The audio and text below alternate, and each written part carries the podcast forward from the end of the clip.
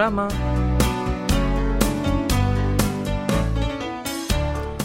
أيها الأصدقاء الأعزاء السلام عليكم ورحمة الله وبركاته. أهلا وسهلا بكم معنا مستمعينا الكرام في حلقة جديدة من برنامجكم اليومي زيو البانوراما. كيف حالكم اليوم؟ نتمنى أن تكونوا في أتم الصحة والعافية أينما كنتم. في نهاية الأسبوع الماضي اكتظ مطار إنشان الدولي بالكثير من المسافرين الكوريين الذين يرغبون في قضاء إجازاتهم الصيفية في الخارج مما يشير إلى بداية موسم الإجازات الصيفية في البلاد بالفعل.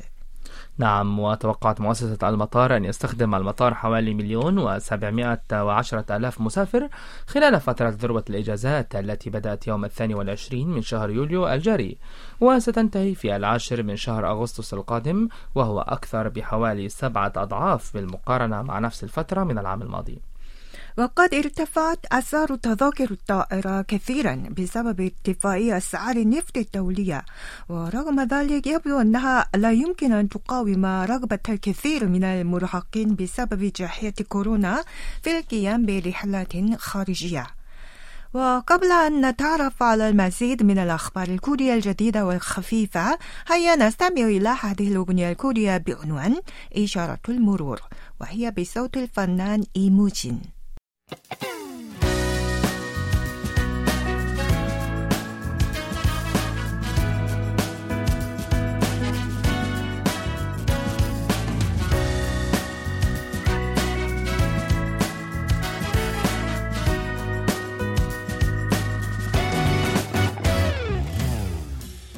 이제야 목적지 정했지만 가려한 날 막아서 내난 갈 길이 뭔데 새빨간 얼굴로 화를 냈던 친구가 생각나네 이미 난 ألقت قناة سي ان ان الأمريكية الضوء على رواج المسلسل التلفزيوني الكوري المحامية الطريفة أو يونغ أو الذي يتم بثه عبر منصة نتفليكس. قائلة إنها تحظى بشعبية كبيرة مثل المسلسل الكوري لعبة الحبار الذي لقي رواجا منقطع النظير في مختلف أنحاء العالم. وقدمت سي إن إن يوم العشرين من هذا الشهر مضمون المسلسل الذي تدور قصته حول المحامية العبقرية ذات اضطراب الطيف التوحد أو يونغ أو وأشارت إلى أن هذا المسلسل يلعب دورا كبيرا في ارتفاع المسلسلات الكورية مرة أخرى خلفا للمسلسل لعبة الحبار. كما ذكرت أن سعر أسهم شركة AStory التي أنتجت هذا المسلسل ارتفع ارتفاعا كبيرا بحوالي 70% بعد افتتاح المسلسل مضيفة إلى أن نجاح المسلسل لا يساعد الشركة فقط بل أيضا منصة توزيعه نتفليكس. وشرحت أن ذلك يمثل إشارة إلى نجاح استراتيجية نتفليكس المتمثلة في زيادة نسبة المحتويات الأجنبية وزيادة الاعتماد على نمو الأسواق الأجنبية. ووفقا لموقع FlixPatrol لتقييم نسب مشاهدة خدمة OTT يتمتع المسلسل أو أو بشعبية كبيرة حتى أنه يحتل المركز التاسع على مستوى العالم ومن جانبها قالت نتفليكس إن هذا المسلسل الكوري يعد أكثر المسلسلات غير الناطقة بالإنجليزية التي تمت مشاهدتها عالميا خلال أسبوعين من الرابع إلى السابع عشر من هذا الشهر. وأضافت أنه يحظى باهتمام كبير في أندونيسيا وماليزيا وسنغافورة وتايلاند وفيتنام وغيرها مشيرة إلى أنه يعني احتل المركز الأول في ثمان دول وجاء ضمن المراكز العشر الأولى في 22 دولة. الجدير بذكر أن المسلسل مدبلج ب 31 لغة يبث حاليا عبر نتفليكس في مختلف أنحاء العالم. نعم الآن دعونا نستمع إلى هذه الأغنية بعنوان بوب وهي بصوت الفنانة نايون يعني وهي عضوة من فرقة TWICE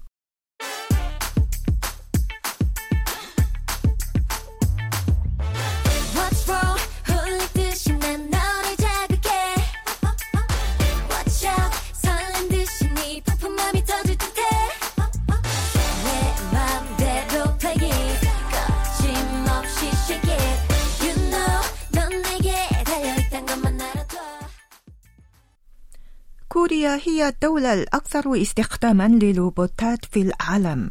ووفقا لتقرير أخير أصدره الاتحاد الدولي للروبوتات في شهر ديسمبر من العام الماضي بلغ عدد الروبوتات المتاحة لكل عشرة آلاف شخص من الكوريين 932 روبوتا لتحتل كوريا المركز الأول في هذا المجال. وجاءت سنغافورة في المركز الثاني ب 605 روبوتات مما يشير إلى وجود فجوة كبيرة بين الدولتين الأولى والثانية في هذا المجال. وبالنسبة لليابان وألمانيا اللتين تقودان صناعة الروبوتات لا يبلغ عدد الروبوتات المتاحة فيهما حتى نصف عددها في كوريا. فقد احتلت اليابان المركز الثالث ب 390 بينما احتلت ألمانيا المركز الرابع ب 371 وتمتلك كوريا أكبر عدد من الروبوتات بعد الصين واليابان والولايات المتحدة. وبالنسبة لألمانيا المشهورة عالميا بأتمتة المصانع احتلت المركز الخامس بعد كوريا. والمعروف أن كوريا دولة التصنيع. تنتج معظم البضائع الضرورية مثل الهواتف الذكية وأشباه الموصلات والسيارات والسفن. ويمكن القول أن مثل هذه البيئة الصناعية جعلت كوريا تحتل المركز الأول على مستوى العالم في مجال استخدام الروبوتات. وحاليا أصبحت مختلف أنواع الروبوتات متاحة بسهولة في الحياة اليومية للكوريين حيث يعمل الكثير من الروبوتات الخاصة لنقل الأطعمة في المطاعم والروبوتات الخاصة لتوصيل البضائع بالقرب منهم. كما أن هناك روبوتات خاصة لصنع القهوة أو قلي الدجاج. وبدءا من الثامن عشر من هذا الشهر بدأت شركة بيدار مينجوك التي تحتل المركز الأول في محل نسبة احتلال تطبيقات توصيل عبر الأجهزة المتنقلة في البلاد في توصيل الأطعمة التي تتلقى طلباتها من مختلف البوابات في مطار إنشان الدولي باستخدام روبوتات. أيضا من المتوقع أن نرى يعني حارسا آليا يحمي الرئيس الكوري قريبا. فقد أطلق مكتب الأمن الرئاسي فريق للعمل مع 11 خبير تابعين لبعض الشركات المحلية المتخصصة في تقنيات المعلومات والاتصالات. يوم الثاني عشر من هذا الشهر للعمل من أجل إدخال روبوتات كلاب وطائرات درون للحراسة. ومن المتوقع أن يتم إدخالها إلى مكتب الأمن الرئاسي في نهاية شهر سبتمبر القادم. وكلما حققت صناعة روبوتات نموا سريعا وكبيرا نشهد جدلا دوما حول تقليص دور الإنسان بالفعل فقد توقعت شركة بوسطن الأمريكية المتخصصة في تقديم استشارات الأعمال أن تبلغ نسبة انخفاض تكلفة العمالة الناتجة عن استخدام الروبوتات في كوريا خلال عشر سنوات حتى عام 2025 33%. ولكن هناك نتيجة بحث ترفض القلق من انخفاض فرص العمل بسبب روبوتات حيث أجرى فريق بحثي تابع لجامعة أورهوس الدنماركية بحثا في هيكل العمالة في شركات التصنيع اليابانية خلال الفترة من عام 1978 وحتى عام 2017 ووجد أن زيادة روبوت واحد لكل ألف موظف أسفرت عن زيادة نسبة التوظيف في مقدار حوالي 2% وأوضح أن نتيجة البحث تشير إلى أن الإنسان الذي حقق فائضا من الوقت من خلال ترك المهام كثيفة العمالة إلى الروبوت يستطيع زيادة إنتاجيته ليسهم في زيادة أرباح شركته الأمر الذي يؤدي بها إلى إتاحة المزيد من فرص العمل. وقال كيم سونغ هوان الباحث الكبير في شركة شينان للاستثمار إنه كان من المتوقع أن تسفر أتمتة مصانع السيارات والمنسوجات عن زيادة البطالة في أمريكا وأوروبا في القرن الماضي إلا أنها خلقت صناعات وظائف جديدة في النهاية. كما توقع أيضا أن تتطور صناعة الروبوتات في المستقبل إلى اتجاه مماثل. نعم وقال الدكتور كو سونغ يونغ في شركة بيك إت إن في البلجيكية لبرامج الروبوتات إن حاجة الإنسان والتوافق الاجتماعي سيحددان دور الروبوتات في النهاية. وأنه إذا تصادمت الروبوتات مع الناس بشأن فرص العمل فسوف يتوجب قصر دورها على القطاعات الخطرة التي لا يمكن للإنسان القيام بها. جميل. أما الآن أيها الأحبة فما رأيكم في الاستماع إلى هذه الأغنية الكورية بعنوان الشوق والتي تغنيها الفرقة BTOB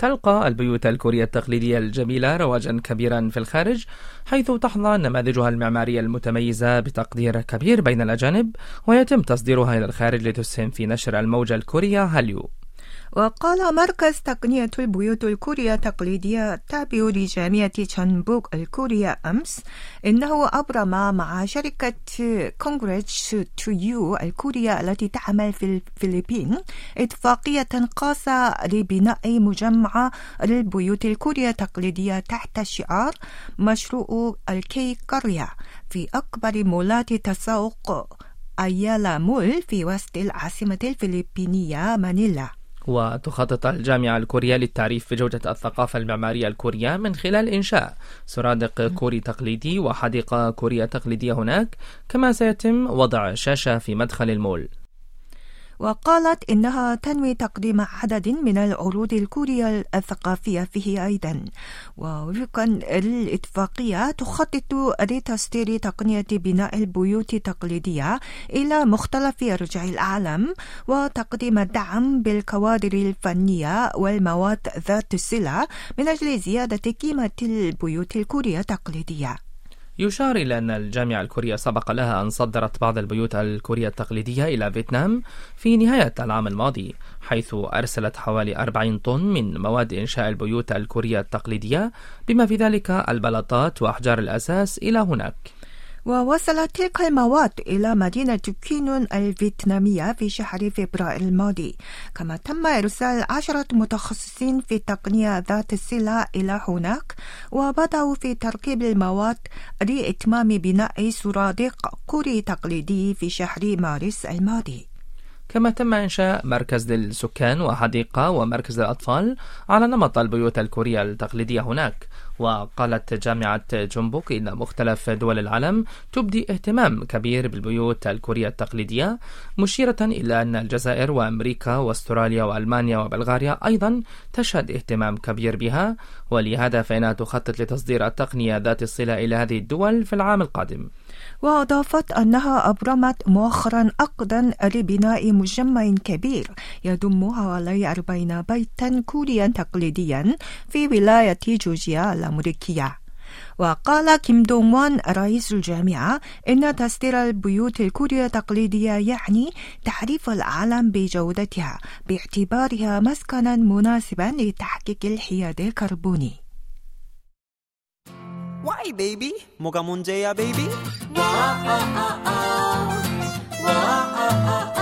أيها الأصدقاء الأعزاء هكذا نكون قد وصلنا إلى نهاية حلقة اليوم ونترككم مع هذه الأغنية بعنوان Give Love وهي بصوت فرقة أكتو ميوزيشن شكرا لكم وإلى اللقاء إلى اللقاء 네가 날 싫어해 하는 걸 알아 나는 서운해 그럼 날 왜 넌 못 이해해 내가 뭘 잘못했는데 내게 왜 그러는데? 그럴수록 난 되게 섭섭해. Oh I'm so sad. 그러니까 슬슬 let me come into your mom hey. 중요한 건 mom. 어. 그분의 얼굴만